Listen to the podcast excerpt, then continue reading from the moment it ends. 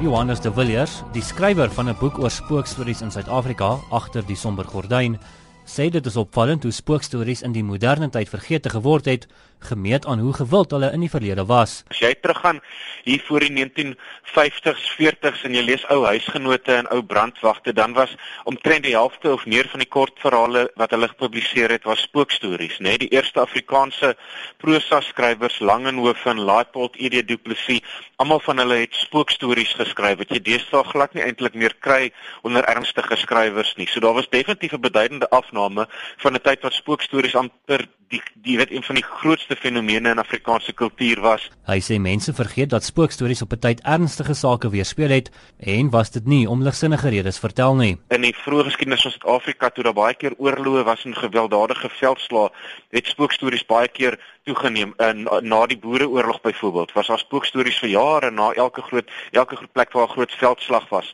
want dit smaak vir mense geglo het die dooie se geeste dwol nog daar rond, jy weet, of selfs van die vroeë stamoorloë in Suid-Afrika en ek dink soos wat ons minder van hierdie tipe goed gehad het, minder gewelddadige oorloë waar mense ander maniere gekry het om om te gaan met daai tipe trauma, het spookstories vir hulle baie belangrik geraak, so dit was later maar net al waar dit voorheen 'n ernstige ding was, het dit later maar meer vermaaklike storieetjies geraak wat jy vertel het om die kampvuur en so aan. Die afsterwe van spookstorievertellers speel volgens De Villiers 'n baie groot rol in hierdie afname. Hulle was gewoonlik ou ooms en hulle het gewoonlik op 'n stoep of rondom 'n kampvuur gesit in die aande en dan vir mense die spookstories vertel en hulle het 'n hele arsenaal van spookstories gehad wat hulle geken het wat hulle met 'n spesifieke soort manier van praat oor vertel het en gewoonlik baie keer moes mense vir hulle 'n bietjie tabak of brandewyn of iets in ruil daarvoor gee en dan hulle die spookstories lewendig gehou en soos van daai mense dood gegaan het, het 'n nuwe geslag wat aan hulle voete gesit het dan nou ouer geraak en die stories vertel. Jy weet, Sina van Rensburg sulke tipe mense was hulle gewees.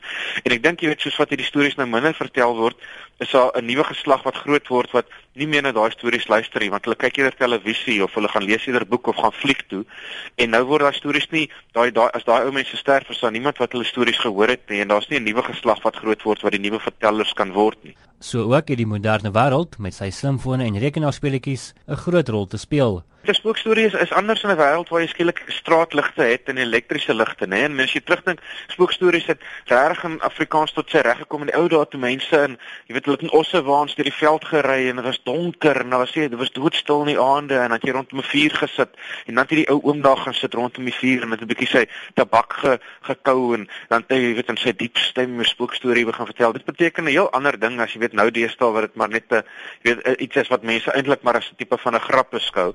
De Villiers sê Suid-Afrika is armer sonder sy spookstories. Dit is 'n enorme deel van ons kultuurskat, nê? Nee? En en so groot deel van die van die kultuur van Afrikaans en waar Afrikaans vandaan kom, was lank in spookstories bewaar. Byvoorbeeld hier in die Kaap was spookgelowe baie keer in die ou tyd oor towenaars gegaan. En dit was jy weet onder veral Maleise mense vertel van die doekoens en die paljas en sulke tipe spookstories.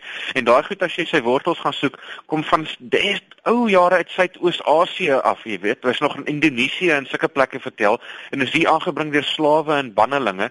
Dis soos wat ons daai spookstories verloor verloor ons eintlik 'n laaste tipe van 'n skakel met daai kultuur en iets wat jy weet uh, iets van waar ons vandaan kom. Dit was Johan de Villiers, die skrywer van die boek oor spookstories in Suid-Afrika agter die somber gordyn. Ek is Justin Kennerly in Johannesburg.